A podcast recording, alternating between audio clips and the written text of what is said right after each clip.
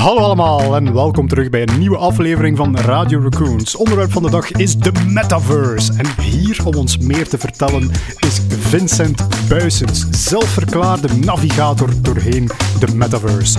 Het wordt een babbel met een unieke, maar ook kritische blik over de toekomst van het internet. Met ook een aantal heel concrete tips voor bedrijven die zelf in de Metaverse willen duiken.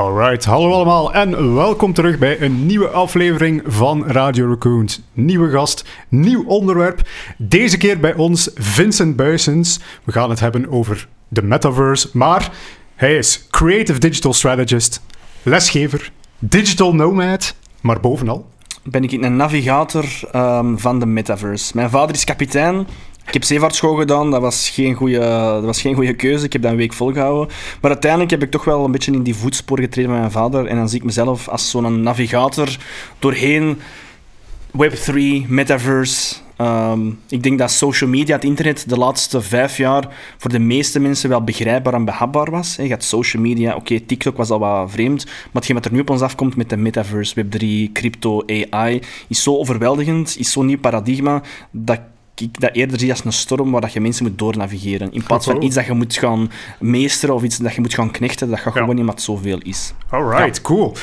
Ja, Vincent, om alvast eens te beginnen, uh, we gaan het hebben over de metaverse. Nu, de metaverse, dat is nog niet meteen een concept waar je al een diploma in kunt halen of zo. Uh, dus we zijn eens op zoek gegaan en inderdaad, Your Navigator Through the Metaverse, dat heeft wel onze aandacht getrokken. Dus misschien om te beginnen, Vincent, kunt je eens vertellen over wie zijt jij? Wat doet jij in het dagdagelijk leven? Woont jij al in de metaverse of, of, of waar moeten we dat registreren? Um, ik denk ik woon al meer dan 15 of misschien al meer dan 20 jaar in wat ze nu de metaverse noemen. Dat oh. Waar dat, dat virtuele en fysieke samenkomt. Waar dat mensen eigenlijk hun um, digitale leven evenveel waarde geven dan hun fysieke leven. En dan heb ik het echt over videogames. Online videogames zijn eigenlijk een beetje de progenitor geweest van hetgeen wat nu wordt voorgesteld als de metaverse. Um, het ding is, voordat ik met al die digitale dingen bezig was, ik ben geen digital native, ik ben van 89. Dus toen ik opgroeide was het internet zo wat opkomend. Net te oud, ja. Het is, uh, maar toen ik afstudeerde in 2014 als journalist, um, zag ik wel social media op mij afkomen. En ik heb dat eigenlijk mezelf meester gemaakt en um, social media beginnen gebruiken om verhalen te vertellen. Uh, ik weet nog, uh, de Web Summit, de grootste Valhalla voor alle tech-startups, dat was nog in Dublin, dat was in 2013. Ik heb toen mee met een paar andere mensen daar zo live reporting gedaan. Dus avant la lettre, dus dat was nog op Facebook. Facebook Live bestond niet, Instagram was er zelfs nog niet. Um, dus ik heb daar eigenlijk een beetje ik ben daar verliefd geworden op social media. En dat heeft heel veel in beweging gebracht. De meeste van mijn vrienden, waar ik nu contact mee heb, heel van mijn exen, heb ik leren kennen via social media, via Facebook. Um, en zo heb ik dat eigenlijk ja, mezelf eigen gemaakt. Um, mij altijd aantrok aan social media en nog altijd zijn communities. En vooral de kracht van social media om communities te mobiliseren. Uh, en veel mensen zullen bijna niet dank afnemen, maar in 2016 heb ik samen met een paar vrienden Facebook gebruikt om 16.000 mensen in de Zoo van Antwerpen te krijgen Niet zomaar 16.000 mensen, maar 16.000 Pokémon Go-hunters. Dus heel die Pokémon Go-rage dat je zag in 2016, heb ik met een uh, paar andere maten aan de hand van Facebook een beetje bespeeld. Dat was eerst in de Kammenstraat met duizend mensen, dan was er 16.000 Pokémon Go-jagers in de Zoo van Antwerpen. Dus ik heb eigenlijk altijd zo social media gebruikt als een tool om mensen te mobiliseren. En mijn hoogtepunt, ik weet ik dat ooit ga overtreffen, was in 2018, toen ik eigenlijk mijn favoriete televisieshow heb helpen redden aan de hand van echt een globale online campagne. We hebben Discord gebruikt, Reddit, wij hebben Twitter gebruikt om die expanse te redden. Wij zijn naar Los Angeles gevlogen om uh, Jeff Bezos persoonlijk te overtuigen. Uh, en dat was voor mij zo'n bewijs van als ik zo in die online communities zit, als ik in mijn element ben, dan kan ik echt wel heel coole shit doen. Nu, het ding is, dat is heel moeilijk om dat voor klanten te doen, want dat is vaak zo'n beetje uh, spontaan, een beetje organisch. Um, dus ik heb heel lang gestruggeld. Eh, met het zoeken naar wat ben ik nu. Ben ik nu een community manager, want ik zit tussen die communities. Ben ik een social media expert? Ben ik een creatief digitaal strateeg? Um, ik noem mezelf creatief digitaal strateeg, want ik heb wel een digitale achtergrond, strategisch, maar dat creatief is wel heel belangrijk. Maar om op je vraag terug te komen, um, de reden dat ik mezelf sinds een jaar of zo, of sinds een half jaar, echt zo'n navigator noem, is, omdat ik ook al zei, wat er op ons afkomt, afkomt, is gewoon gigantisch. Maar hetgeen wat daar echt cruciaal is, hetgeen waar al die platformen op gebouwd gaan worden, zijn die communities. En mijn mantra is respect the culture. En met cultuur bedoel ik niet enkel in de brede zin, hè, uh, maar ook gewoon op subculture niveau. Als jij met uh, een nieuwe generatie die in Fortnite zit wilt samenwerken, als jij die mensen wilt bereiken, moet jij heel goed begrijpen wat de geplogenheden zijn van die subcommunities. En het ding is, je kunt er geen diploma in halen. Je kunt dat niet leren, je moet dat een beetje aanvoelen. En wat ik probeer te doen, en wat ik eigenlijk al meer dan 15 jaar doe, is eigenlijk vertoeven tussen al die verschillende communities binnen verschillende virtuele werelden en daar eigenlijk een beetje patronen ontwaren en verbanden leggen die andere mensen vaak niet zien of pas later zien. En denk dat, dat ik daar wel het verschil in kan maken. Niet zozeer dat ik degene ben met de zotste marketingplannen of met de zotste creatieve ideeën, maar ik zit wel diep binnenin die internetculture, binnen die internet society. En ik zie daar bepaalde patronen die eigenlijk nu worden gebruikt om uh, het fundament te bouwen van die metaverse, van die Web3. Alright, cool. Ja, het, het, het woord is nu ook al eens gevallen. Hè. De, de metaverse, daar moeten we het, het, vooral toch eens over hebben vandaag. -huh. ik, ik vind het zelf super interessant. Hè. We hadden hier, hadden hier, ik denk, ja, de, de metaverse is, is veel dingen voor veel mensen. Hè. We hadden hier een, een AR-VR-expert kunnen komen vragen om wat te vertellen. Game designers zullen daar waarschijnlijk iets over te vertellen uh -huh, Zeker. Maar voor u gaat het eigenlijk vooral over, ja, als een soort ultieme evolutie van online community. Misschien, wat is de hamvraag? Wat is de metaverse voor u? Maar ik denk dat die metaverse zo een vooral een moment in de tijd is waar dat, dat virtuele en dat fysieke samenkomt. En vandaar dat je heel veel bedrijven fysieke ervaringen ziet nabouwen in het virtuele. Ook omgekeerd, Apple komt dit jaar uit met een AR-glasses. Nu, het ding is, ik ben niet de persoon die zegt, oh, dat gaat kei uh, populair worden, maar Google Glass is nooit echt populair geworden. Hmm. Wel B2B. HoloLens, kei cool, maar B2B. Maar ik denk wel dat Apple de kracht gaat hebben om dat virtuele naar dat fysieke te trekken. Met een bril die er cool uitziet, een beetje zoals een Ray-Ban. En je hebt die nieuwe modem van, uh, of die nieuwe chip van Apple. Ik denk echt wel dat we in een soort nieuw moment van de tijd zitten waar dat, dat virtuele en dat fysieke gaat samenvloeien. Maar, nog belangrijker, dat is ook een moment in de tijd waar dat ons virtuele leven, ons digitale leven, minstens even belangrijk of zelfs belangrijker wordt dan ons fysieke leven. En dat is eigenlijk een trend die al een paar jaar bezig is. Je ziet dat vooral bij jongere generaties. Je hebt jongeren die uh, middelbare school, om vier uur is de school gedaan, uh, die zeggen tjaukes tegen hun uh, maten en zien elkaar gewoon terug in Fortnite of in Roblox of in Call of Duty. Dus dat idee van die metaverse, hè, waar dat, dat fysieke en dat digitale uh, samenkomt, waar dat ons virtuele leven belangrijker wordt dan ons uh, fysieke leven, dat is iets dat al aan het gebeuren is. En daar wordt eigenlijk die metaverse op gebouwd. Nu, het ding is, mensen zijn op zoek, mensen hebben duidelijkheid nodig, hebben een referentiekader nodig. Dus vandaar dat mensen zeggen van, ah, de metaverse, dat gaaf Horizons zijn van Facebook. Of de metaverse, dat gaat Sansar zijn. Of de metaverse, dat gaat Decentraland zijn. Maar het ding is, het is nog veel te vroeg om te zeggen waar het dat juist gaat landen. Dus ik denk, die metaverse, moet dat vooral zien als een moment waar dat mensen hun uh, digitale leven belangrijker gaan beginnen vinden dan hun fysieke leven. En je kunt er voor of tegen zijn. Je hebt heel mensen zeggen, oh, jongeren moeten buiten spelen, jongeren moeten een fysieke carrière uitbouwen. Fine, en dat is zeker belangrijk. Maar als je kijkt naar de dag van vandaag, hoe weinig vooruitzichten dat heel wat jonge mensen hebben, is dat niet abnormaal dat ze eigenlijk toevlucht zoeken naar dat digitale. Dat zijn mensen die zeggen van, ja, um, ik kan geen huis kopen, ik kan geen auto kopen, uh, elektriciteitsprijzen zijn zo hoog. Um, wat, moet ik in wat kan ik in het fysieke leven eigenlijk nog opbouwen? Dus dat zijn de mensen die eigenlijk status opbouwen, een leven opbouwen binnen dat digitale.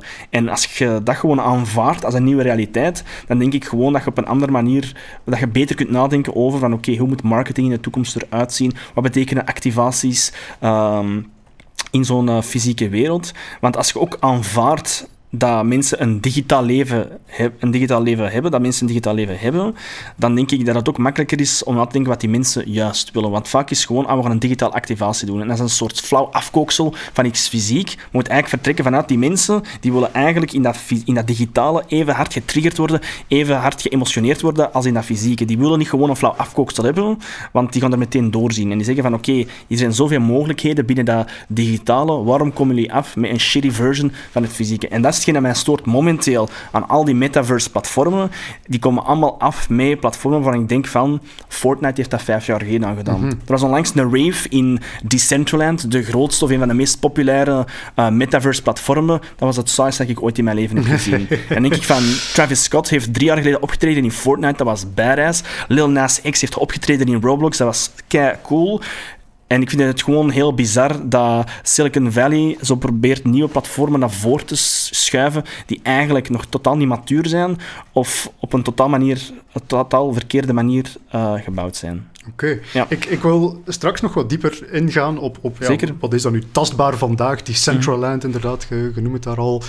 Die platformen wil ik, wil ik zeker nog eens bespreken. Maar om misschien even terug te gaan, mhm. de, de metaverse ontleent zijn naam, zoals veel dingen vandaag de dag, uit de science fiction. Ja. Begrepen. Ehm, ik heb zelf het boek nog niet gelezen, maar ik ken de auteur wel, Neil Stevenson. Ja. Als ik me niet vergis, Snow Crash. Snow Crash. Ik heb het boek gelezen een tijdje geleden, nog voordat Facebook zich had gerebrand naar Meta. Hm. Uh, het is heel ironisch om te zien dat een bedrijf zoals Facebook eigenlijk de naam overneemt van iets dat keihard dystopian is. Die zien dat dat een, dat dat een mooie wereld, dat is een beetje dystopian science fiction, van de echte wereld sukt. En we gaan eigenlijk een, een virtuele wereld nacreëren die eigenlijk niet echt zo egaal is of eigenlijk niet echt zo perfect is. Dus het is een beetje vreemd dat Facebook dat claimt. En zelfs die auteur heeft gezegd van ik heb eigenlijk vrij weinig affiniteit met Facebook. Maar ja... Ja, wel, ik, uh, ik, ik, ik heb een ander boek van hem gelezen, The Fall of zo. Ik denk, hm. recenter, de man schrijft nog steeds. Hè. Ja, de, absoluut. De, de man leeft nog steeds. En, en ik had ook al de indruk van... Hmm, de originele visie van de metaverse, dat zal waarschijnlijk niet zomaar roze geur en maneschijn geweest zijn. Zie maar naar Ready Player One en The Matrix. Het is ja. net dat positieve films. Oké, dat is coole shit dat er gebeurt in dat virtueel, dat is kei cool, maar Think about it. Ja, als je erin woont, dan, ja, dan is het best komt altijd met, met, een kost. En ik denk gewoon omdat nu ligt de focus vooral op VR. En VR, VR en virtuele werelden. En ik denk dan van...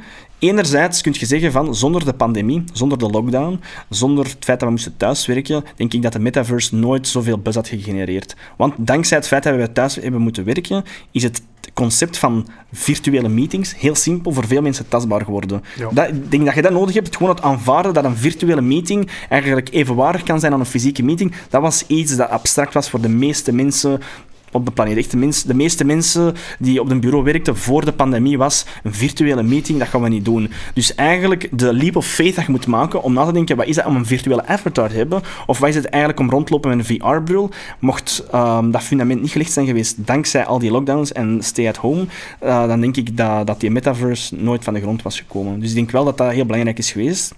Omgekeerd, ik denk dat we heel die metaverse-hype of al die platformen nog eens binnen drie jaar moeten bekijken wanneer dat die pandemie bedwongen is, wanneer dat die oorlog in Oekraïne uh, wat bedwongen is. Um, sommige concepten gaan zeker blijven. Het feit dat ons virtuele leven belangrijker gaat worden dan ons fysieke, dat zeker. Maar al die platformen waar nu keihard geld in wordt gestoken, Facebook heeft 200 of zelfs 500 miljard gestoken in die metaverse. Ik denk, wait and see, nadat die pandemie een beetje is bedwongen en alles terug open gaat, dan denk ik dat heel wat virtuele ervaringen waar we nu uit noodzaak op zitten, eigenlijk een beetje gaan wegdeemsteren en dat mensen terug meer waarde gaan hechten aan zo die fysieke ervaringen. Oké. Uh, ik, ik, ik wil toch nu eens, de, de, naam is nu al een paar keer gevallen. Eh, de reden dat we hier samen zitten om over de metaverse te praten, laat ons niet flauw doen, is dankzij Facebook. Is omdat Facebook daar een, een ontzaglijke hoeveelheid geld ingestoken heeft. Zelfs van naam is veranderd. En ik vind het nu niet meteen de beste naam ooit, mhm. maar goed. Hè, zelfs van naam is veranderd om, om het extra kracht bij te zetten dat ze daar volledig in geloofd hebben. Mhm.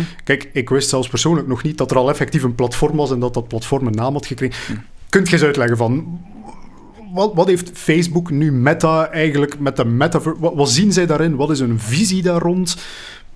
Ja, dus die je moet weten is Eerst, en als, ik zo lesgeef of lezingen geef, is dat voor mij het belangrijkste. Waarom zitten mensen eigenlijk op social media? Dat is enerzijds voor een utility. Eh, als ik een evenement wil organiseren, is Facebook handig. Als ik iets wil verkopen, is die marketplace handig. Als ik wil chatten met mensen, is die messenger handig. Een tweede luik is eigenlijk entertainment. TikTok is eigenlijk een entertainment platform. Je zit er eigenlijk om geëntertained te worden. Een derde luik, superbelangrijk, is mensen engagen op social media om hun sociaal kapitaal en hun status te verhogen. Dat is iets dat in ons mens zijn zit. En een mens zal altijd alles doen om zijn status te verhogen door een huis te kopen, door een auto te kopen. Maar voor heel wat jonge mensen, die hadden die opties niet, totdat social media kwam. En social media heeft eigenlijk duizend en één manieren geïntroduceerd voor jonge mensen om hun status, hun sociaal kapitaal te verhogen. Door een like te krijgen, door een comment te krijgen. Nu, op een bepaald moment... Ehm, en dat is, dat iets gebeurd dat, gebeurt bij elk social media. Uh, vindt er zoiets plaats, dat heet dan social capital devaluation. Wat dat heel simpel betekent, is, is dat het sociaal, sociaal kapitaal dat je al die jaren daarvoor aan het vergaren wordt, waarvoor dat je respect krijgt, waarvoor je likes kreeg, dat wordt ineens minder waard. En dat is gebeurd toen dat de ouders, de oudere generaties op Facebook kwamen. Dat heeft er eigenlijk voor gezorgd dat heel wat jongere mensen naar Instagram zijn gegaan. En dat is eigenlijk een patroon dat je overal terugziet. Dus eigenlijk, als je naar social media kijkt en wilt voorspellen wat er komen, moet je altijd nadenken van oké, welke opties geven deze platformen om mensen ofwel, hoe helpen deze platformen om mensen hun sociaal kapitaal te doen verhogen? En om op je vraag te antwoorden, Facebook zorgt er al heel lang mee. Vroeger was dat het platform waar je opzet, waar je statussen postte, waar je alles deelde. Je voelt gewoon dat jongere mensen minder en minder delen op Facebook, omdat hun ouders erop zitten, mensen die niet echt cool zijn. Mensen moeten eigenlijk een plek hebben waar ze hun status kunnen verhogen ten opzichte van hun peers. TikTok, de reden dat die zo populair, of dat dat platform zo populair is, is omdat je eigenlijk als jonge mens zonder volgers, zonder geld, eigenlijk viraal kunt gaan. Omdat dat algoritme op Facebook, als ik iets post, de mensen die dat gaan zien, dat zijn mijn vrienden, mijn netwerk. Op TikTok gaat het algoritme kijken, ah, jij post we gaan u matchen met, met miljoenen andere mensen. Dus eigenlijk voor jonge mensen is TikTok een platform geworden waar ze echt kunnen groeien, waar ze kunnen thriven, waar ze hun status kunnen verhogen. Facebook probeert dat te kopiëren met Reels, probeert dat te kopiëren met uh, Stories, toen nog van Snapchat, maar fundamenteel is dat een platform waar dat jonge mensen naar kijken en zeggen van, sorry, maar dat is niet meer cool, ik wil er niet meer op zitten. En dat is iets onomkeerbaar. En ze mogen nog zoveel mogelijk geld uitgeven en dingen opkopen fundamenteel is dat een bedrijf waar dat de jongere generaties die eigenlijk zorgen voor de groei van dat bedrijf zeggen van sorry, um, dat is niet meer voor ons. Dat is ook de reden dat zij nu zeggen van oké, we hebben reels gemaakt, hè, we hebben eigenlijk TikTok gekopieerd, we hebben stories gemaakt en stories doen het zeer goed, maar we voelen gewoon dat we die nieuwe generatie niet meer kunnen vastgrijpen, dat die weggaan. Wat gaan we, wat, wat gaan we dus creëren? We gaan eigenlijk de metaverse creëren. Dat is een nieuw buzzword, een nieuw platform waar we eigenlijk een nieuwe dimensie kunnen geven, waar dat zij van hopen dat die jonge mensen, die jongere generaties, die zijn opgegroeid met videogames, die zijn opgegroeid met Fortnite, en masse naartoe gaan lopen. Enkel weet ik niet of dat, gaat gebeuren, voor de simpele reden dat Facebook in de hoofden van heel wat jonge mensen niet meer het platform is waar dat zij eigenlijk kunnen groeien als persoon, waar dat zij eigenlijk aan hun digitale identiteit kunnen uh, bouwen. Dus dat is eigenlijk in grote lijnen, en dat is soms een beetje sociologie, een beetje psychologie, maar ik denk dat dat heel belangrijk is als je spreekt over de metaverse, dat je begrijpt in welk kader dat een beetje past. Wat eigenlijk zo de drijfveer is, waarom dat mensen plots zeggen, fuck MySpace, we gaan naar, uh, we gaan naar Facebook, fuck Dick, we gaan naar Reddit. Dat is eigenlijk zo'n patroon dat zich altijd manifesteert. Dat gaat ook gebeuren bij TikTok, uh, maar doordat Facebook eigenlijk een platform is waar dat die jongere generaties geen affiniteit mee hebben, waar dat ze eigenlijk hun digitale identiteit niet meer kunnen bouwen, ja, um, vandaar dat ik niet echt uh, geloof dat Facebook, of dat Meta liever, of dat Horizons eigenlijk een dominante platform gaan worden. Ja, voor de duidelijkheid dan even, Horizons is de naam van het Facebook? Dat is het Horizon, New, Horizon, Facebook Horizons of Horizons Worlds of zoiets. Dat is eigenlijk een platform waar je een avatar kunt maken. Ah, met die creepy Mark Zuckerberg avatar die je meeting houdt met zijn mensen. Ja, het is dat, het is dat, VR. Um, dus dat, ze zijn eigenlijk aan het bouwen, ze hebben er keihard geld ingestoken. Hè. Wat je wel moet toegeven, hè, de Oculus Quest, die VR-headset van Facebook, heeft het tijdens de kerstperiode fantastisch goed gedaan. Het aantal gebruikers Indian Horizons is keihard aan het stijgen, ook VR-chat. Dus je hebt effectief van een doelgroep die zegt van oké, ik wil mijn leven spenderen met een VR-bril. En ik vind die platformen echt heel tof. Maar de vraag is, zijn dat effectief dezelfde 2,9 miljard mensen die nu op Facebook zitten? Mhm. En dat is voor mij eigenlijk de hamvraag. Voor wie wordt die metaverse gebouwd? Is het voor jonge mensen die eigenlijk uh, veel geld uitgeven aan digitale items hè, in videogames? Is het voor die generatie? Maar die hebben hun platformen al. De generatie die echt ontvankelijk zou moeten zijn voor die metaverse, de generatie die al heel veel geld uitgeeft aan digitale items, die al heel veel geld uitgeeft aan het creëren van digitale identiteit, die keihard geld uitgeven aan Fortnite skins, aan Call of Duty skins, die mensen zou eigenlijk de perfecte doelgroep moeten zijn voor die metaverse. Het ding is dat die jongeren gewoon veel liever zitten op hun videogames, omdat ze daar eigenlijk al een identiteit, al een community, al een subcultuur hebben um, uitgebouwd. Um, en dan denk ik van oké, is die metaverse dan voor mensen die niet willen gamen? Want je hebt heel veel mensen die niet willen gamen, maar die wel in dat digitale willen geloven. Is het voor die mensen fijn? En ik ben er zeker van dat er heel wat mensen zijn die dat tof vinden om in virtuele avatar meetings te hebben, maar over hoeveel mensen spreken we? En dat vind ik belangrijk, dat je even een stap terugneemt en enkel afgaat op je eigen ervaringen. Ik heb een VR-bril thuis, dat is fantastisch, ik heb die al een jaar niet meer aangeraakt. Dus Same. Het ding is, VR is cool, is, is transformative, maar dat gaat altijd een niche blijven. AR, dat is iets anders, maar dan zit je in de echte wereld.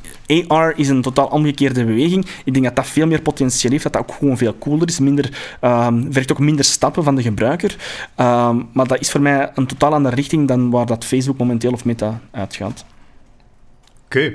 Nu, ja, ik, beschouw mezelf toch ook wel een beetje als een uh, man van het internet die alles op Sowieso, het internet uh, uh, surft. Het is een beetje onze generatie, ja, zo nog, nog, net op een niveau, nog niet zoals de, de jonge kids tegenwoordig, ja. helemaal ingrained, maar toch een beetje bewust van wat er zich afspeelt. En, en een van die, ja, het, het viel wel op. Hè.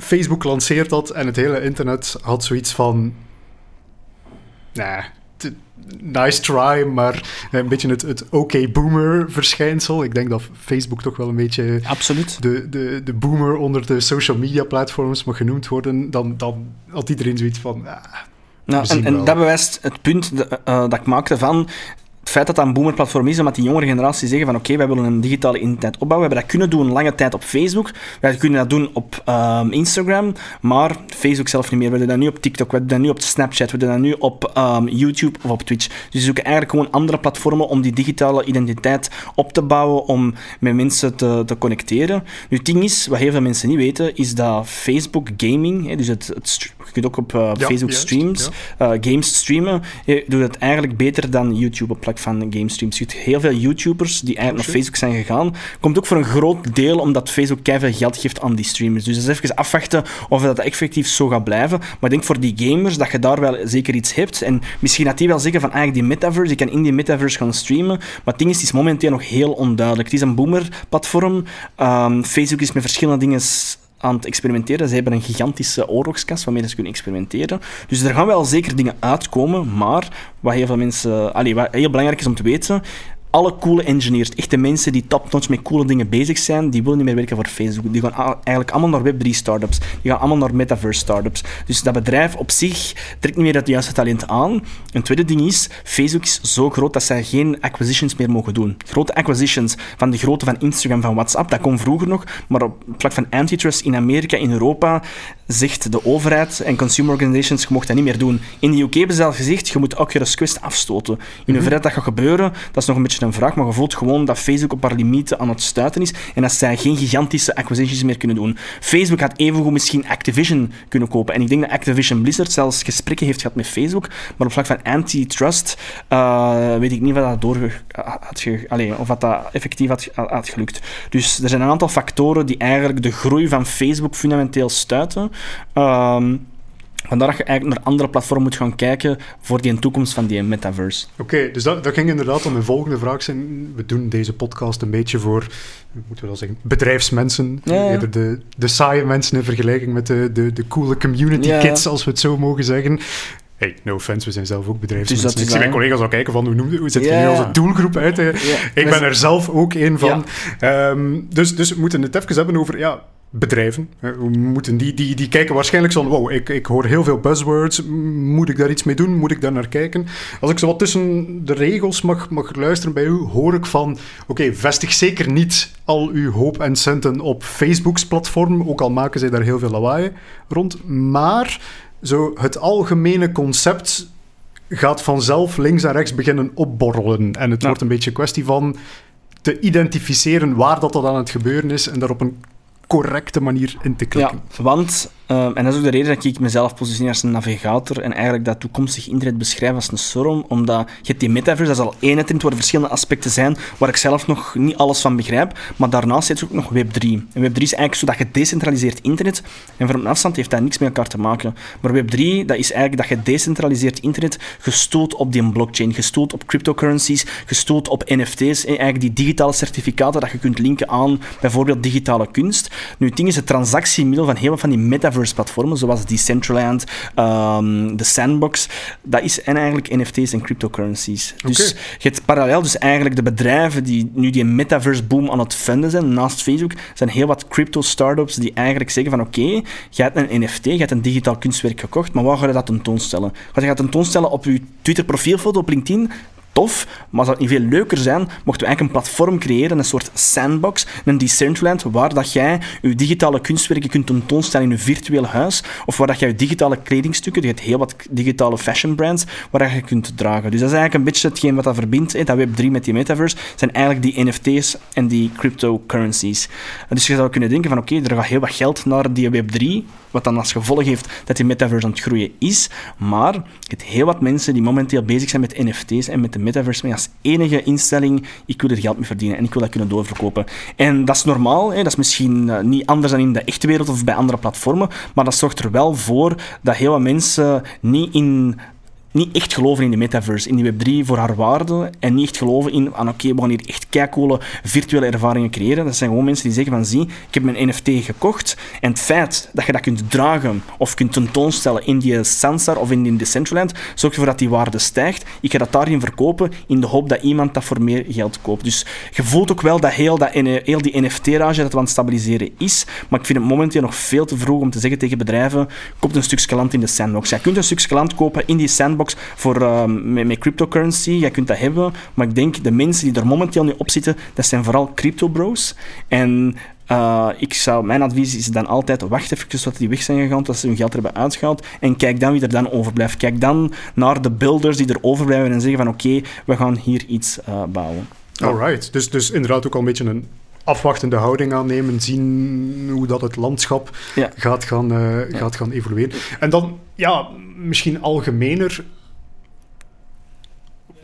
als we, als we nu toch nog eventjes over bedrijven het kunnen hebben, hoe, hoe moet een bedrijf dat ook benaderen? Is dat iets van we stoppen dat bij de marketingafdeling en, en we laten hen een beetje metaverse advertisements links en rechts gaan kopen? Is dat, is dat een saleskanaal dat we misschien ook een e-commerce-achtige manier moeten gaan benaderen?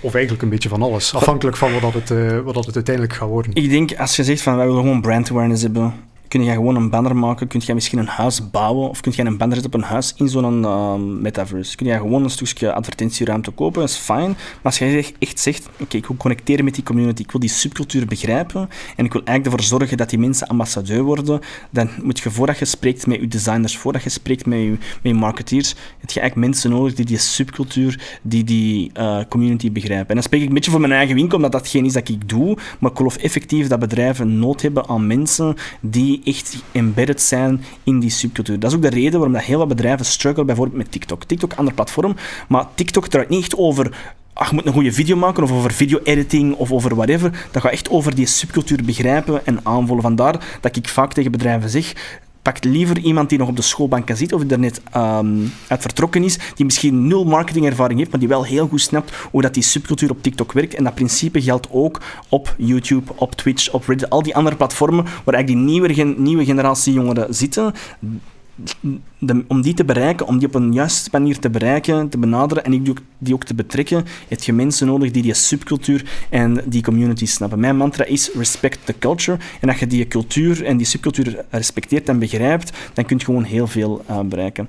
Om een voorbeeld te geven, we hebben voor, ik werk ook voor Visit Vlaanderen, Toerisme Vlaanderen, en bij de heropening van het modemuseum zochten ze eigenlijk, vroegen ze aan ons van oké, we hebben onze influencers, we hebben onze pers, wie kunnen we nog uitnodigen? Dus wij, ik heb dan eigenlijk een beetje gezocht in mijn netwerk en we hebben twee YouTubers uitgenodigd uh, die eigenlijk op YouTube lange analytische content maken over fashion. Echt gericht op de jongere generatie die uh, kijkt naar Virgil Abloh, naar Off-White, naar Kanye West en zeggen ik wil dat begrijpen, maar die hebben het geld niet om fashion te gaan studeren. Nog hebben die de interesse om fashionboekjes te gaan kopen zoals Folk. Dus het was echt een soort leemte dat die twee gasten hebben opgevuld. En het coole is, los van het feit dat die heel interessante content maken, die hebben ook een community. Ik denk dat die respectievelijk 100.000 en 70.000 volgers hebben op YouTube. Maar die hebben ook een duizendtal of een honderdtal mensen die, die ook 5 euro per maand betalen voor hun content. En de mensen die hen betalen, die krijgen ook toegang tot een soort Discord, dat is een beetje zoals een Slack, de Microsoft Teams, waar je kunt babbelen met die community.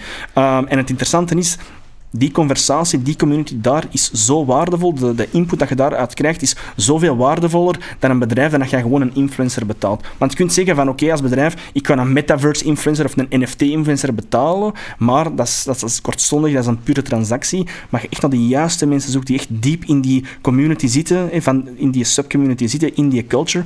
Als je die mensen op de juiste manier betrekt, krijg je niet enkel die mensen op een oprechte manier mee, maar ook heel die community. Want de community kun je niet creëren, die bestaat al. Een community kun je ook niet forceren om te mobiliseren, maar dat je op de juiste manier as equals benadert en zegt van zie, wij hebben jullie nodig en wij kunnen u access geven, dan al die andere dingen die gaan allemaal vanzelf. En ik heb dat gewoon effectief gezien. Um, we hebben die twee YouTubers, we hebben die uitgenodigd, we hebben die een hotel gegeven, we hebben die een vlieg betaald, die wouden geen geld. En al de reacties op YouTube, op Discord, op Reddit waren, my Antwerpen in zijn graven staat. Oh, ik moet echt naar Antwerpen gaan. Niet enkel dat, die mensen waren ook oprecht trots dat die twee gasten de kans hadden gekregen om naar Antwerpen te komen. En die authentieke interacties, dat is eigenlijk voor mij het fundament waar je een community-strategie op moet bouwen. Uh, want uiteindelijk platformen en, en marketing en visuals kun je allemaal laten maken, maar als die interactie of die band met die community niet oprecht is, dan is dat gewoon geen lang leven beschoren. En het grappige is, is dat ik die, een van die YouTubers morgen ga zien in Parijs bij, tijdens Paris Fashion Week. Dus ik zelf heb eigenlijk ook een band opgebouwd met die gast, met zijn vriendin. Um, echt waarschijnlijk wel for life. En dat zorgt ook voor dat ik heel veel leer over mode, dat ik hem kan inspireren over de metaverse, want je hebt ook heel dat digital fashion gegeven. En dat is eigenlijk het soort interacties dat ik graag wil of graag aanbeveel bij merken. En ik weet dat dat een totaal andere manier van aanpak vergt. Dat is niet zo van, oké, ik heb een strategie, ik voer dat uit. Dat is niet zoals bij een influencer, je betaalt die. Dat vergt ook gewoon, dat vergt gewoon een andere manier van werken.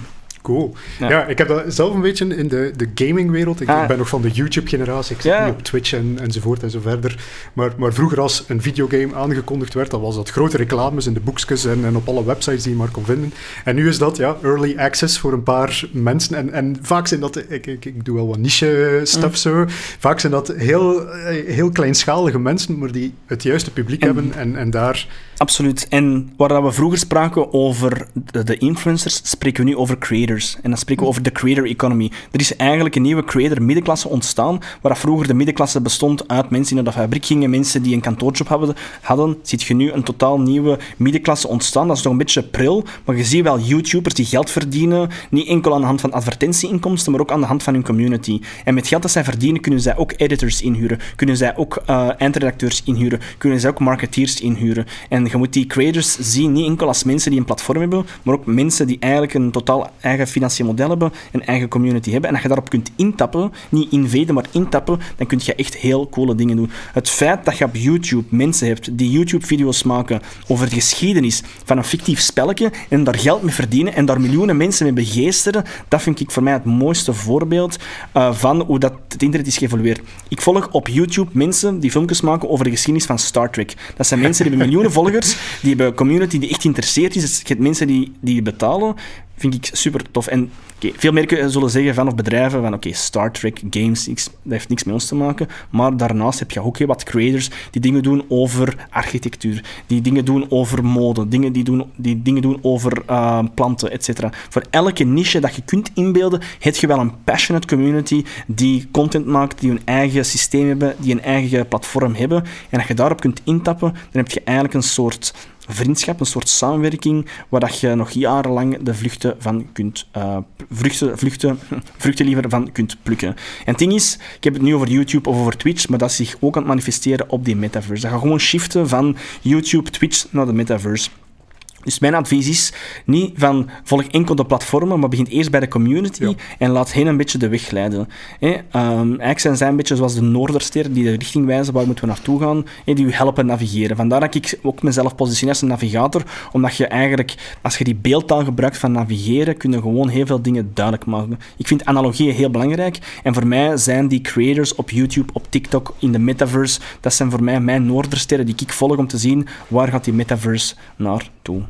Alright, cool. Ja, Ik, ik, ik, ik vind het zeker en vast een belangrijke boodschap eh, om het niet zozeer technologisch te bekijken. Het is niet Facebook money die de communities gaat bepalen, maar, maar ja, eigenlijk echt wel een beetje de community zelf die migreren. Het is dat, en tegelijkertijd gevoeld dat we nu een window of opportunity hebben van een aantal jaar, waar dat mensen zo nog aan het zoeken zijn, wat gaat dat toekomstig internet zijn? Mhm. En ik denk dat dat ook wel een opportuniteit of geeft, voor, creëert voor heel wat bedrijven om zelf hun eigen visie van de metaverse uit te carven. Als die toekomst van het internet gedecentraliseerd is, mensen zijn Facebook beu, mensen willen eigenlijk hun eigen platform, hun eigen communities, dat is voor mij een opportuniteit voor heel wat bedrijven om te zeggen, als we onze eigen subcommunity maken op ons eigen platform, de technologie die je nodig hebt om zo'n metaverse-wereld te bouwen, een Unreal Engine of iets anders, die is eigenlijk vrij toegankelijk. Je hebt misschien andere profielen nodig, je hebt misschien game developers nodig dan louter front-end developers, maar die technologie is eigenlijk bruikbaar, is ook redelijk makkelijk te gebruiken en ik zie nu de komende uh, jaren een opportuniteit voor heel wat bedrijven om toch hun eigen niche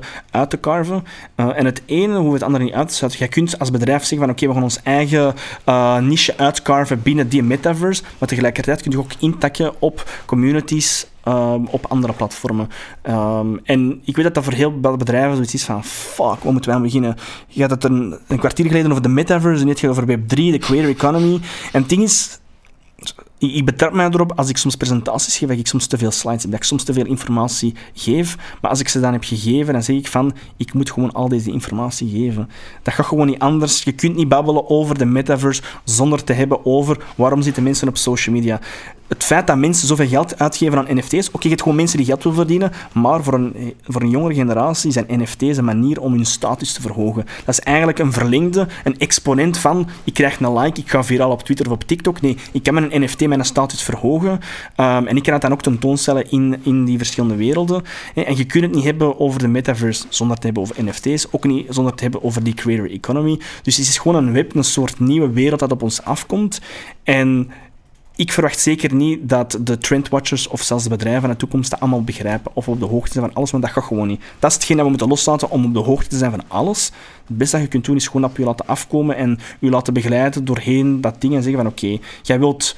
Uh, dat is een doelgroep. Ik denk dat heel veel bedrijven wel weten wie een doelgroep is. Dan is een eerste stap, oké, waar zit een doelgroep? En dan van daaruit zien, oké, op welke community, platformen zitten die? Wat is hun aanpak? Wie zijn zo'n beetje de community leaders binnen die community? Wat zijn zo de geplogenheden van die subculture? Zijn die zijn een warme, gesloten community? Zijn safe space? Of zijn dat eigenlijk allemaal van die gamer bros die keihard aan het opscheppen zijn? Dat is echt wel een verschil. En dat zorgt ook voor dat je een andere communicatiestrategie nodig uh, hebt. Oké. Als we nu even mogen dromen van dan de toekomst, we laten even de metaverse lo mm. los. Ik heb ook al vaak over de metaverse horen spreken, een beetje Web3, eh, de toekomst, een nieuwe internet enzovoort enzovoort.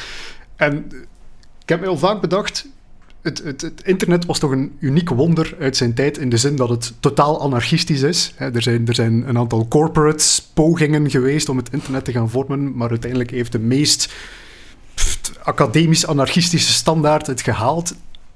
Denkt u dat we zoiets voor de metaverse, dat we erop kunnen hopen dat het niet een soort uh, aantal corporate clusters gaan worden, maar dat we terug een gedecentraliseerd niet centraal geowned systeem gaan kunnen creëren? Ik vrees er een beetje voor. Waarom? Omdat NFT's, dat is tof. Allee, ik weet nog in het begin van die NFT-rage vorig jaar kochten mensen, of maakten mensen NFT's van bekende memes. Dus mensen die eigenlijk bekend zijn geworden aan de hand van memes. Hè. Je gezicht wordt gebruikt hè, um, op van die memefoto's, die hebben eigenlijk geld kunnen verdienen. Je hebt mensen die eigenlijk um, NFT's hebben verkocht van digitale kunst, maar ook van een aantal grappige dingen. En veel mensen zeggen van, ah, oké, dat is maar een tijdelijke rage. Het feit dat mensen zoveel geld uitgeven aan die board apes, dat zijn die profielfoto's van die apen, ah, dat is gewoon absurd. Maar wat dat eigenlijk betekent, is dat uh, we nu in een tijdperk zijn beland waar dat alles wordt gemonetized. Elk ding waar je geld voor kunt vragen, daar kan ook wel geld voor worden gevraagd. En dat is een beetje mijn vrees, dat je in een internet gaat belanden, in een Web3, in een metaverse, waar dat je voor elk stukje ding geld gaat moeten betalen. En dat gaat echt voor mij in tegen zo die open geest van het internet. ik vind dat zeer belangrijk dat digitale artiesten eindelijk geld kunnen verdienen met digitale creaties. Dat is ook de reden dat ik eigenlijk ook al een supporter was van NFT's, helemaal in het begin. De reden dat ik nu een stukje sceptischer ben, is omdat ik gewoon zie dat mensen eigenlijk kijken naar die technologie, blockchain, en zeggen van, wat als we eigenlijk voor elk aspect van het internet geld gaan vragen. Wat als eigenlijk mensen op het internet gaan zitten met een mindset van oké, voor elk ding dat ik creëer, voor elke actie, ga ik geld vragen. En dat is een beetje, uh, een beetje mijn vrees. Um, en het ding is, ik denk dat wij hoe dan ook wel gaan eindigen met een gecentraliseerd platform. Waarom? Mensen zeggen van oké, we willen een gedecentraliseerd platform. Oké. Okay. Um, wat als jij bijvoorbeeld een NFT koopt, een kledingstuk in Facebook Horizons, en jij wilt dat dragen in uh, Decentraland. Dat gaat niet. Want dat zijn totaal andere, um, totaal andere assets, dat is gebouwd met totaal andere technologie. En dat is voor mij het grootste hiaat. Mensen hopen of dromen van een soort gedecentraliseerd internet, waar je met je virtuele avatar, met je kleren van Dior of Louis Vuitton, van de een naar de andere kunt lopen. En ze zijn daar wel mee bezig, maar die technologie is er nog absoluut niet. En als je spreekt met game developers, 7 op de 10 van de game developers zijn tegen NFT's. Die geloven totaal niet in de metaverse, omdat zij gewoon beseffen hoe moeilijk het is om een asset van een ene game naar een andere game over te dragen. Laat staan voor die metaverse. Ja, en je hebt wel engines zoals Unreal Engine, uw bouwpakket, waarmee dat games maakt. En het Unreal Engine bouwpakket, daar zijn heel wat games op gemaakt. Dus als elke game uh, die engine gaat gebruiken, dan gaat dat werken. Maar ik zie dat eigenlijk niet echt gebeuren. Dus wat ik denk dat er gaat gebeuren, is dat mensen uiteindelijk gaan zeggen van oh ja, die Facebook Horizons of dat andere bedrijf, dat is toch gewoon veel makkelijker. Daar zitten de meeste mensen op. Want wat is het punt van eigenlijk keihard geld, uit te geven aan een NFT dat je kunt dragen in de ene wereld, maar totaal onbruikbaar is in een andere, andere virtuele wereld? En ik weet dat ze daarmee bezig zijn, maar ik, ik stel mij ook gewoon de vraag: welk bedrijf gaat geld steken in het ondersteunen van een NFT van een concurrent? Waarom zou een Activision geld steken in het ondersteunen van een helm, van Halo, van een, dat dan wordt beheerd door Microsoft? Dus ik zie daar nog heel wat hiaten in. Dus ik denk enerzijds, ja, uh, alles op het internet gaat gemonetized worden. Mensen gaan voor alles geld beginnen vragen. Nu heb je wel paywalls voor um, kranten en zo, maar mensen gaan geld vragen voor elk soort ding. Um, ik vind dat een beetje een kwalijke evolutie. En tegelijkertijd is er nog totaal geen compatibility of interoperability tussen al die verschillende platformen. Maar als gevolg dat mensen gewoon zeggen, fuck it, we gaan gewoon voor één platform gaan, uh, want dit is gewoon praktisch niet haalbaar. Alright. Ik denk dat we nu toch even, ik heb het, ik heb het een beetje bewust proberen vermijden, maar mhm. er zijn al een aantal termen gevallen, zoals NFT's. Uh, eh, wij weten waarover dat we praten als we daarover tegen elkaar bezig zijn. Maar kunnen we misschien nog eventjes stilstaan dan bij, bij de technologieën die wat dat nog effectief gaat worden, maar die zogezegd aan de basis zullen liggen van die metaverse. NFT's heb ik al horen vallen. AR, VR lijkt daar toch ook wel een beetje een component in te gaan vormen. Ik heb zelfs al IoT gehoord als, als belangrijke ondersteunende technologie. Kunt je dat eens mappen voor ons? Dus ik denk, de metaverse, de wereld die gebouwd gaat worden, dat gaat gebouwd worden met waarschijnlijk game engines. De engines waarmee, de bouwpakketten waarmee dat games worden gebouwd, die worden nu ook al gebruikt. En je hebt Unity, je hebt Unreal. En ik denk dat die technologie gaat gebruikt om gewoon die wereld vorm te geven, die personages vorm te geven. Dus dat is één belangrijke component. Een tweede belangrijke component is van, oké, dat zijn niet zomaar um, lege werelden, dat zijn niet zomaar werelden zonder mensen, dat zijn werelden waar dat mensen hun avatars maken, waar die ook met elkaar willen handelen, waar die ook dingen willen verkopen En de technologie die momenteel wordt gebruikt om dingen aan te kopen in de metaverse, kleren of gewoon een andere outfit voor je personage of een, of een, huis of een stukje grond in de metaverse, dat wordt eigenlijk gedaan aan de hand van crypto en dan vooral Ethereum. Dus cryptocurrency, um, misschien dat ik moet uitleggen wat dat juist is. Of dat denk Bitcoin. Uh, Bitcoin is cryptocurrency, dat zijn eigenlijk uh, digitale munten. Um, maar het ding is, je kunt iets kopen aan de hand van een Bitcoin of een Ethereum, maar hoe kun je eigenlijk zeggen of duidelijk maken aan de mensen, ik ben er wel de eigenaar van. Ik ben hier een unieke eigenaar van dat stukje land en jij kunt dat wel claimen, maar ja, ik heb hier het... Um, het, ja, ja. het certificaat van. En dat is eigenlijk waar dat NFT's in het spel komen. NFT's is geen digitale kunst, dat staat voor non-fungible token. En een non-fungible token is eigenlijk heel simpel uitgelegd een soort digitaal certificaat dat zegt van oké, ja, deze is uniek en jij bent daar een eigenaar van. Jij bent een eigenaar van dat certificaat. Mm. Ehm, en je kunt eigenlijk een NFT maken voor uh, een foto. Jij kunt een NFT maken van een, uh, een illustratie van een aap, de Board Apes. Maar je kunt ook effectief een NFT linken aan een stukje grond in die metaverse. Jij kunt die NFT linken aan een stukje kledingstuk of een kledingstuk in die metaverse. dus waar dat die game engines eigenlijk het bouwpakket zijn waarmee dat je die wereld bouwt, zijn eigenlijk NFT's en crypto de transactiemiddel dat je gebruiken om te kunnen handelen en ook dingen door te verkopen uh, binnen die metaverse. Oké. Ehm, als ik eens mag doorvragen dan. Hè. Um, World of Warcraft is nog van, uh, van mijn generatie. Nu, daar hadden we ook digitale assets. En daar was dat gewoon Blizzard die zei van, ah ja, dat is van u.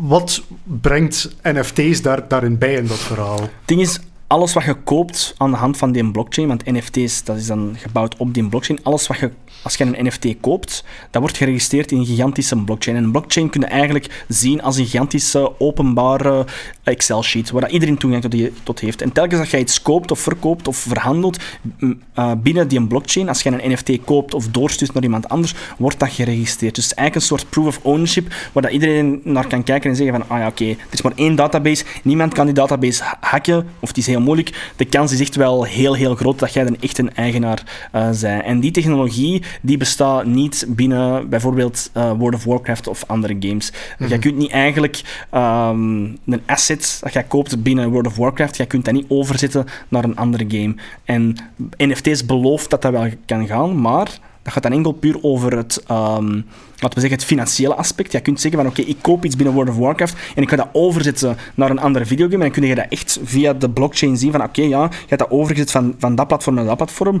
maar die een, die een fysieke vertaalslag van die een, die een helm dat je hebt gekocht in dat spelletje overzetten naar de andere spelletje, dat moet nog gebeuren. En dat, dat daarvoor heb je mensen nodig die dat moeten doen. Dat is manuele arbeid. Dat gaat dan nooit volledig kunnen automatiseren. Dus vandaar dat ik daar een, nog een hiaat zie. je kunt wel zeggen, aan de hand van die grote database, je kunt iets aanpassen. Dat kan iedereen doen. Dat is niet, dat is niet moeilijk. Maar het effectief overzetten, stel dat je een auto koopt, je kunt dat online kopen. Je kunt die transactie doen met je gsm. Ik kan een auto kopen aan de hand van mijn gsm. Maar die auto moet misschien nog wel komen uit Japan of uit Amerika. En die, die invoerrechten ervoor zorgen dat het allemaal in orde is, dat duurt gewoon heel lang. En ik denk dat heel veel mensen dat precies een beetje vergeten zijn. Ja. En dan misschien nog als laatste, al, al kan ik me nu echt wel inbeelden van, ja, voor dit gesprek in mijn hoofd was dat de centrale technologie, maar nu begrijp ik dat het eigenlijk ja, uh, aankleding is eerder, AR, VR. Dat is dan gewoon de technologie waarvan dat we zeggen van, kijk, dat, dat gaat die immersie met die werelden vergroten. Gaat dat eigenlijk een beetje, in het geval van AR, ook in onze real-world experience gaan meebrengen. En dat is dus ja, eigenlijk een, een facilitator. Een, een ja. Met VR kun je dan die virtuele wereld die gebouwd wordt aan die game engines, waar je kunt verhandelen aan NFT's, gaat inderdaad meer immersive maken. Je kunt je VR-bril opdoen en dan zit je misschien nog meer in die wereld, maar uiteindelijk heb je VR niet nodig om de metaverse te bouwen. Metaverse is puur iets conceptueel van, dat is eigenlijk ons digitale leven wordt belangrijker dan ons fysieke leven en dat doen we aan de hand van ons avatar aan te kleden en dingen te kopen voor onze online avatar, dat we in die verschillende werelden kunnen, kunnen gebruiken. Dus ik denk dat VR je dat eigenlijk niet nodig, dat zal altijd een niche blijven. AR, daarmee kun je eigenlijk, bijvoorbeeld, jij koopt een kledingstuk, een fysiek kledingstuk van Dior, maar aan de hand van NFT's kun je ervoor zorgen, als jij een AR-bril aandoet van Apple, die misschien iedereen binnen zes jaar gaat dragen, als je die aandoet en je kijkt naar dat kledingstuk van Dior, gaat je misschien uh, digitale extensies zien. Dus ik denk dat je op die manier um, ook NFT's in die fysieke wereld gaat ga, ga kunnen krijgen. Um, of, of ja, waarom nog een fysiek kledingstuk kopen? Je loopt rond met een, uh, met een bruine zak aan, maar iedereen heeft een Apple-bril ja, aan misschien... en zit u met de laatste digitale diode. En ik denk dat Google heeft geprobeerd om met AR-glasses af te komen. Zij waren te vroeg. Ja. Uh, HoloLens van Microsoft is te onhandig om buiten te dragen. Dat is vooral goed voor uh, eh, B2B, voor binnen een fabriek. Maar eh, als we de geruchten mogen geloven, en Apple is er serieus mee bezig, het komt dit jaar uit, dan had je echt een hele coole bril kunnen dragen, waarmee dat jij digitale artefacten kunt projecteren op de echte wereld. En dat gaat echt gaan van de richtingaanwijzingen van Apple Maps tot effectief, je hebt gewoon een effe kledingstuk aan dat volledig zwart is, maar je kunt aan de hand van die AR-bril wel bepaalde dingen toevoegen. Dus dat gaat wel een impact hebben, maar dat gaat dit jaar uitkomen. Dat gaat zeker nog drie jaar of zelfs zes jaar duren voordat dat is ingeburgerd. Dat gaat dan nog nog langer duren voordat al die andere bedrijven, zoals Samsung, Huawei, uh, dat hebben gekopieerd en eigenlijk echt mainstream hebben gemaakt. Maar je hebt echt een Apple nodig dat toch in de hoofden, hoofden van heel wat mensen een cool bedrijf is, dat toch aan de voorlinie staat van, van, van cultuur en van wat cool is. We hebben echt dat bedrijf nodig om dat cool te maken. En als zij er niet in slagen, dan denk ik dat het nooit gaat uh, lukken. Tenzij dat we misschien um, ehm, 50 jaar in de toekomst zitten waar je generatie hebt die totaal zijn opgegroeid, hm. die opgegroeid zijn met die technologie, voor wie dat, dat veel makkelijker is om dat te dragen. Maar je hebt ook nog een hele groep mensen die er zo wat tussenin zitten. Wij zijn zo'n beetje digital nomads, maar je hebt heel wat mensen die nog hopelijk nog 30, 40 jaar gaan leven, de generatie van onze ouders, die zijn er totaal niet mee opgegroeid. En die mensen zijn nu een gsm aan het gebruiken. Mijn ouders, zelfs mijn grootouders, die gebruiken een gsm. Maar om echt AR ingeburgerd te, te, te maken, heb je echt nog 10, 20 jaar nodig. Dus vandaar dat ik zeg tegen bedrijven, AR, VR, je moet er zeker mee experimenteren, maar weet gewoon momenteel, VR is voor een niche. Uh, en mensen die zeggen, oh ja, VR, dat gaat zo de nieuwe cinema-ervaring zijn. Ik zie het niet gebeuren. Hm. Uh, waarom gaat dan naar de cinema? Om IMAX zien, een gigantisch scherm. Je wilt niet... Uh, want je hebt IMAX um, cinemas, maar die doen het eigenlijk niet super goed in vergelijking met echt gewone cinema-ervaringen.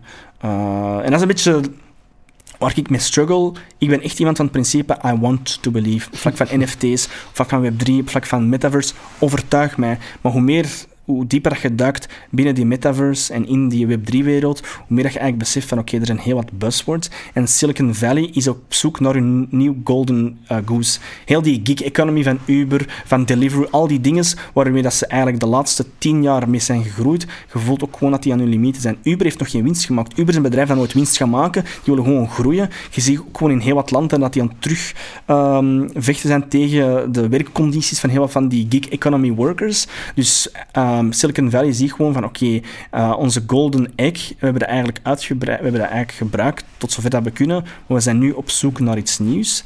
Uh, en met die pandemie zijn heel wat digitale concepten, zoals een digitale meeting, een virtueel leven, is voor heel wat mensen tastbaar nodig. En dat is het fundament dat je echt wel nodig hebt om die metaverse te bouwen. Dus dat is er zeker, maar Meta, het bedrijf Facebook, is op zoek naar iets nieuws. Ze hebben ook heel wat schandalen gehad. Uh, fake news, uh, de verkiezingen, Brexit in Amerika. Al die dingen. Facebook is gebruikt geweest om mensen eigenlijk te desinformeren, om mensen te misleiden. Dus Facebook is, los van het feit dat dat een boomerplatform is, waar dat heel wat jonge mensen hun handen van aftrekken, is dat voor heel wat mensen ook een platform van wij vertrouwen jullie niet. Dus vandaar dat ze eigenlijk aan het proberen zijn een nieuw ding te creëren waar dat mensen en masse gaan opzitten, maar ik weet niet of dat ze het, um, dezelfde spark gaan kunnen genereren dan toen in een tijd met Facebook.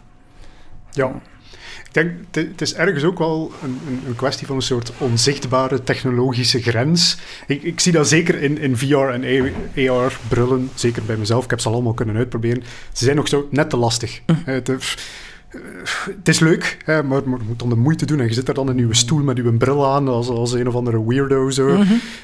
Maar net zoals gezegd, ja, ik weet niet, zal het Apple zijn, zal het een ander bedrijf zijn, maar op een gegeven moment gaan we toch een ding hebben die op zich niet vervelender is dan een bril aan en uitzetten.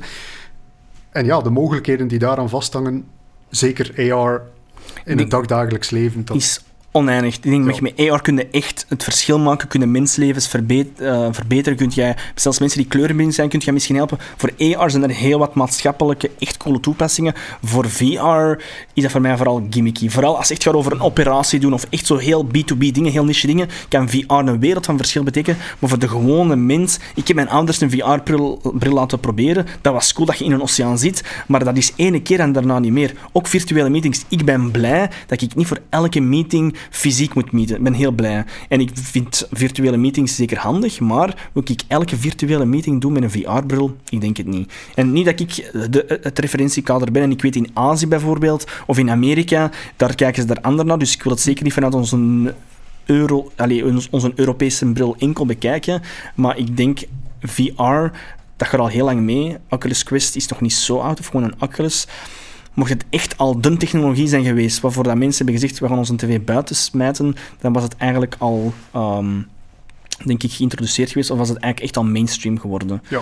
Uh, want oké, ja, een VR-bril, dat je dat opzet, die resolutie is toch niet top, maar het is echt wel veel beter dan twee jaar geleden. Dus ik denk, en je kunt nu een VR-bril opzetten en eigenlijk comfortabel een film kijken en dan zit je echt in een cinemazal, maar de reden dat dat nog niet gebeurt, is, is omdat dat gewoon nog clunky is. Dat is, de mens is lui. En als de mens een bril moet opdoen, moet inloggen, dat, dat, dat, dat vergt gewoon veel te veel stappen. Terwijl ja. met AR, je zet dat op en bam, er wordt iets geprojecteerd. Holy fuck, cool. Um. Mijn, mijn persoonlijke voorspelling op dat vlak, David Tech Profeet schrijft wanneer um, VR-brillen gaan uitsterven. En eigenlijk, ja, wat gaat je dan gewoon hebben? Een AR-bril met een klepknop. Hm. Van, oké, nu ga ik eens VR'en klepje naar beneden en je ziet de rest van de wereld niet meer en dan klepje nou weer, weer naar omhoog en je bent terug AR bezig. Voilà, kijk, men schrijven het neer. Nee, maar het is dat, en eh, de technologie is naar daar aan het evolueren. Processors worden sneller, um, ze zijn efficiënter. De enige bottleneck momenteel is nog batterijtechnologie. Batterijtechnologie is de laatste 100 jaar eigenlijk mm -hmm. niet mhm. veranderd. Het is al met die lithium en hoe kleiner dat je batterijen maakt, hoe onstabieler dat die worden. Je gaat dat wel kunnen oplossen door bijvoorbeeld te zeggen, we gaan alle technologie steken in gsm en we gaan dat beamen aan de hand van Bluetooth 5.0 of 6.0 en 5 of 6G. Dus ik denk dat die technologieën waar dat mensen zeggen van oké, die, die nieuwe Bluetooth standaard of, of 5G, dat heeft geen enkel verschil. Uiteindelijk, mijn Netflix die streamt even traag of even snel. Maar als het echt gaat over datastreamen naar die gsm, en ik denk dat daar Apple wel gebruik van gaat maken, dat gaat interessant zijn. Hmm. Dan kun je gewoon een, een, gsm hebben dat je altijd zult blijven hebben, dat je altijd wel blijven bestaan. Maar dan kun je gewoon streamen naar uw... Um, naar uw bril. En ik denk dat dat verschil gaat maken. Ik, ik vind het wel, ja, ik ben, ben zelf ook al een beetje naar, naar 5G. Ik doe er al eens een, een, een babbeltje over met mensen links en rechts. En inderdaad, een take van 5G is een oplossing voor slechte batterijen. Vind ik wel nog, als ik het zou, als ik het zou kort moeten samenvatten in één zinnetje, is dat, is dat wel een goede. Die ga ik onthouden. Want een originele uh, uitvinder van de batterijtechnologie is al 90 jaar, die is nu bezig met een opvolger ervan. Maar die lithium, en het is niet dat ik in de chemicus ben, maar als je zo gewoon leest naar zo industry reports, struggelen ze er echt wel mee. En ze zijn wel bezig met grafeen en zo, maar dat blijft gewoon een heel moeilijke technologie. En vooral het schalen. Ehm, als je ziet hoeveel geld dat ze hebben gestoken, uh, Taiwan, in hun chip factories, om die te verkleinen, dat is iets niet, dat kun je niet doen op vijf jaar. En ik vind dat super dat Europa eigenlijk heel die chipindustrie hier in Europa wil vestigen, minder afhankelijk van China en de Verenigde Staten. Maar dat krijgt je niet op 1, 2, 3 uh, geïnstalleerd. Dus um, laat staan dan over batterijtechnologie. Ja. Ik, ik, ben zeker, als je mij een beetje uh, toelaat, dan, dan, kan ik hier nog een uurtje bij praten over mm. batterijtechnologie, want dat is inderdaad een, een Ja, vooral in Leuven. Hè. Allee, ik bedoel, Leuven is toch wel zo de hotspot op dat vlak. iMac met dus Ze zitten hier niet ver van. Uh, we, kunnen, we, kunnen, nog wat chips gaan stelen als ja. we willen, maar... Ja. Ja, absoluut. Kijk, ik, ik ga mezelf een beetje moeten tegenhouden, want ik denk dat we ook al uh, aan onze tijd gaan ah, zitten. En anders moeten we het in twee splitsen. Eén deel over metaverse, ander over batterijen en, ja. en de andere varia. Maar ik denk dat we hier toch al kunnen afsluiten voor deze aflevering. Vincent, ik zou zeggen, bedankt voor, uh, voor uw insight. Ik vond het zeer interessant om, om eigenlijk ja, een heel technologisch onderwerp met, met alleen maar technologische buzzwords is te benaderen vanuit een ja, eerder community kant. Dus bedankt daarvoor. Bedankt ja, met, met mijn plezier. En ik wou dat ik het veel simpeler kon uitleggen, maar ja, het is allemaal met elkaar vertakt, met, allemaal met elkaar verbonden. Uh, maar mijn advies is gewoon respect the culture and follow the community. En dan denk ik dat het veel duidelijker gaat zijn en dat bedrijven zich ook comfortabeler gaan voelen en ook veel meer gaan leren. Dan als ze gewoon zeggen, gebruik die technologie en we zien wat er gebeurt. Alright, ja. cool. Dus ja, ik moet nog de afsluitende boodschappen doen. Uh, mijn Google-man is er niet bij. Uh, dus voor alle kijkers hier, bedankt voor het luisteren en kijken. Uh, maar zeker ook belangrijk, like en share en subscriben. Helpt ons allemaal zeer veel. Uh, ik weet niet, Vincent, zijn er nog belangrijke dingen die ik moet vertellen om de community wat meer op te bouwen? Nee, ik denk gewoon like, share en... Um... Ja, ik vind deze een heel tof format en ik vind dat jullie alle likes en shares uh, verdienen. Voilà, je hoort het nu ook eens van onze gasten. Iedereen bedankt en tot de volgende keer. Yes.